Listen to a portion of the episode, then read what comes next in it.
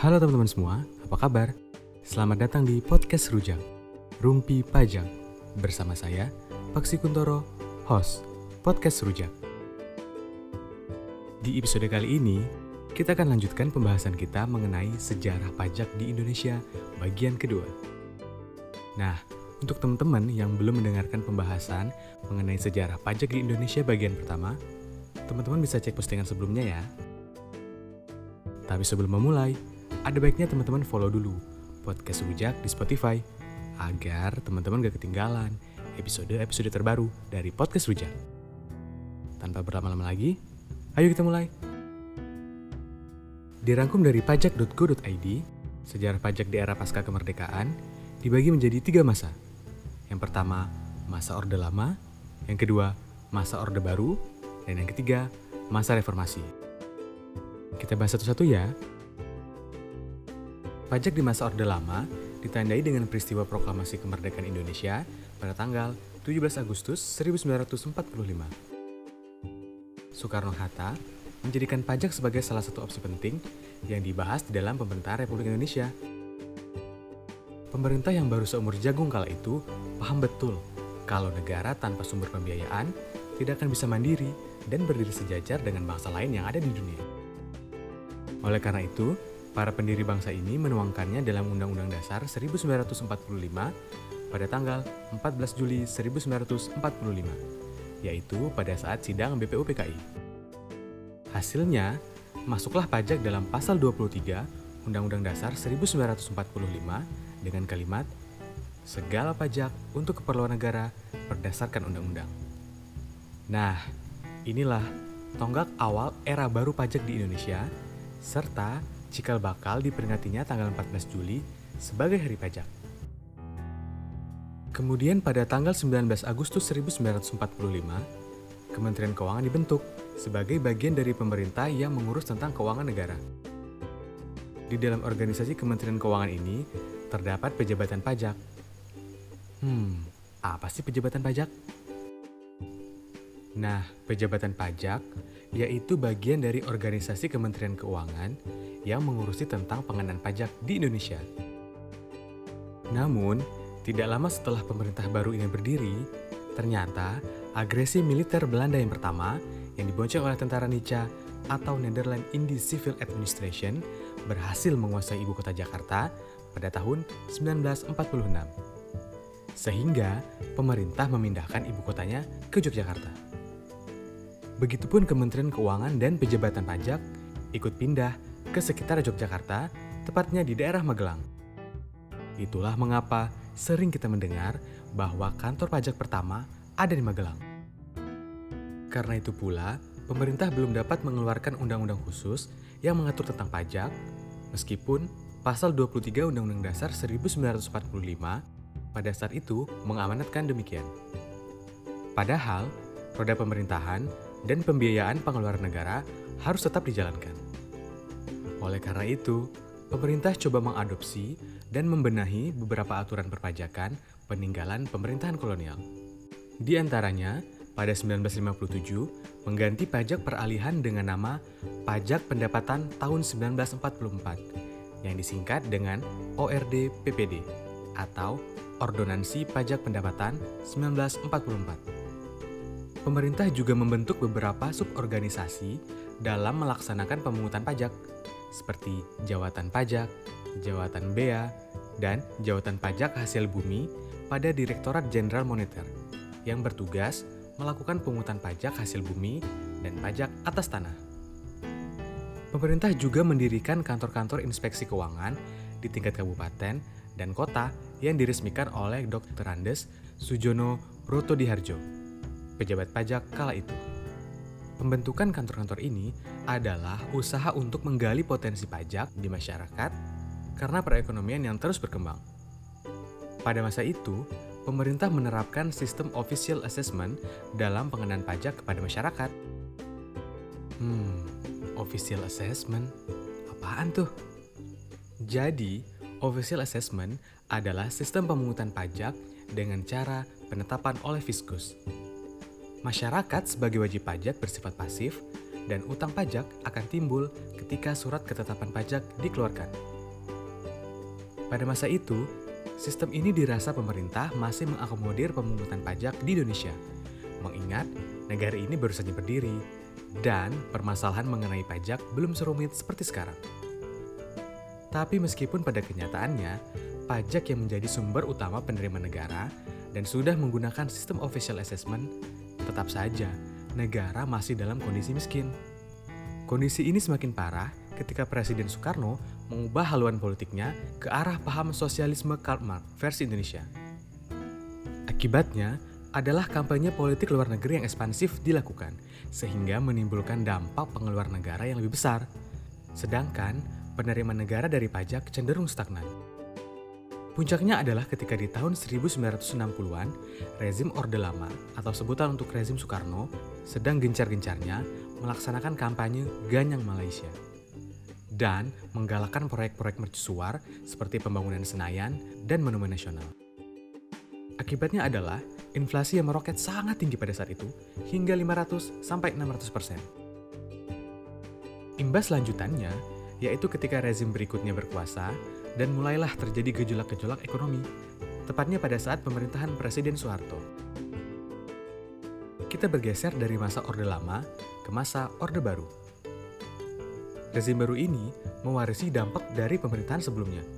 Perekonomian tidak stabil dengan inflasi mencapai 600%. Kebijakan ekonomi pemerintah sebelumnya terbukti gagal dalam menghadapi perkembangan zaman. Tanpa pikir panjang, Presiden Soeharto langsung mengambil langkah sakti, yaitu dengan menekan inflasi melalui utang luar negeri. Hmm, agaknya pada saat itu, hanya utang luar negeri lah yang dirasa logis ketimbang melaksanakan pembaharuan atau optimalisasi dari pajak. Meskipun begitu, pada tahun 1965, rezim ini berhasil memberi terobosan baru di bidang fiskal, yaitu desentralisasi pajak atas pajak hasil bumi kepada pemerintah daerah dan mengubah namanya menjadi IPEDA iuran pembangunan daerah. Serta dimulailah pembangunan kantor-kantor IPEDA di berbagai daerah di Indonesia. Di sini, pembagian wewenang antara pajak daerah dan pajak pusat mulai terlihat. Juga awal mula penggunaan sistem self-assessment.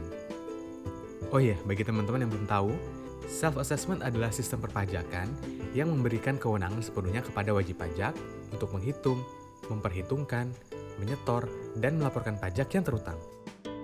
Terbitnya Undang-Undang Nomor 8 Tahun 1967 dan Peraturan Pemerintah Nomor 11 Tahun 1967 tentang perubahan mengenai tata cara pemungutan pajak pendapatan tahun 1944, pajak kekayaan 1932, dan pajak perseroan 1925 juga memperkuat cikal bakal pemungutan pajak dengan menggunakan sistem self-assessment.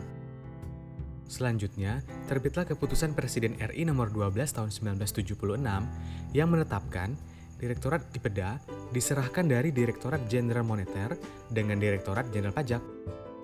Peralihan ini mengubah mekanisme birokrasi pajak yang semula bidang moneter ke dalam bidang perpajakan.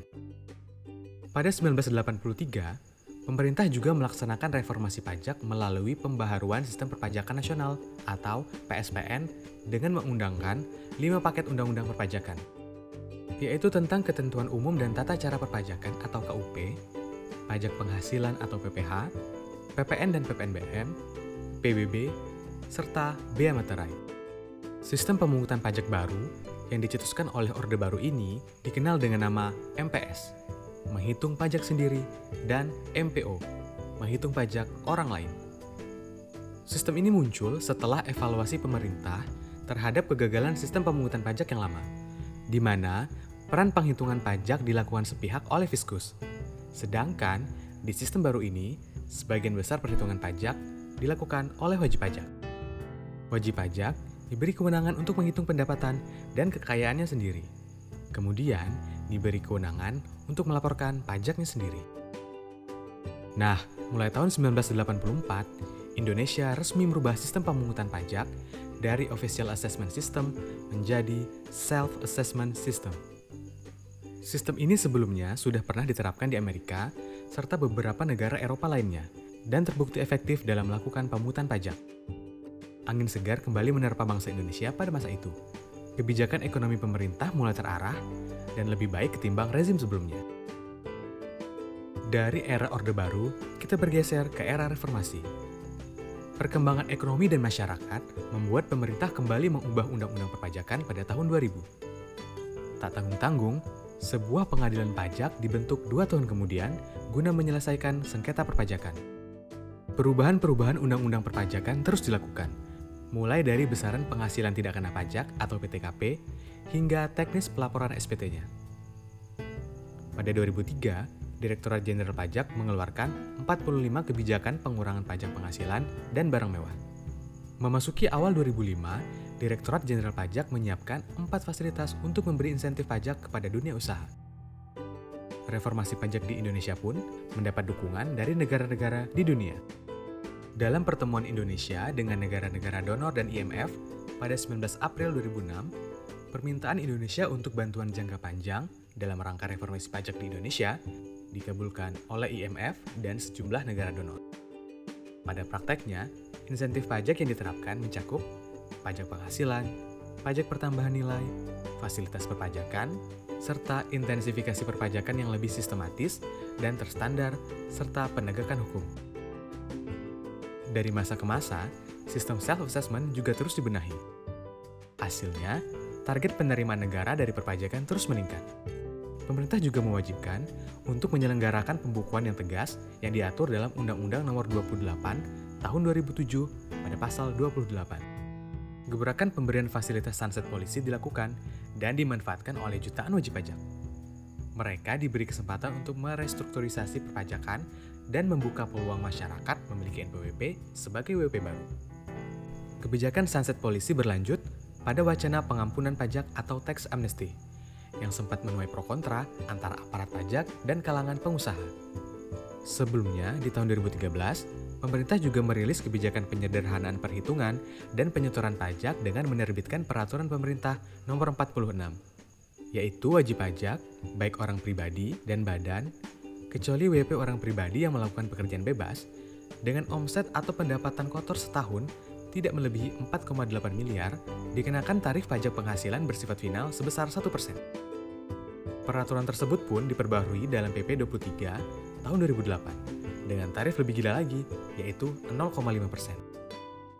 Dengan adanya tarif yang ringan dan sederhana dalam penyetoran serta pelaporannya, diharapkan dapat meningkatkan jumlah partisipasi wajib pajak dalam membayar pajak.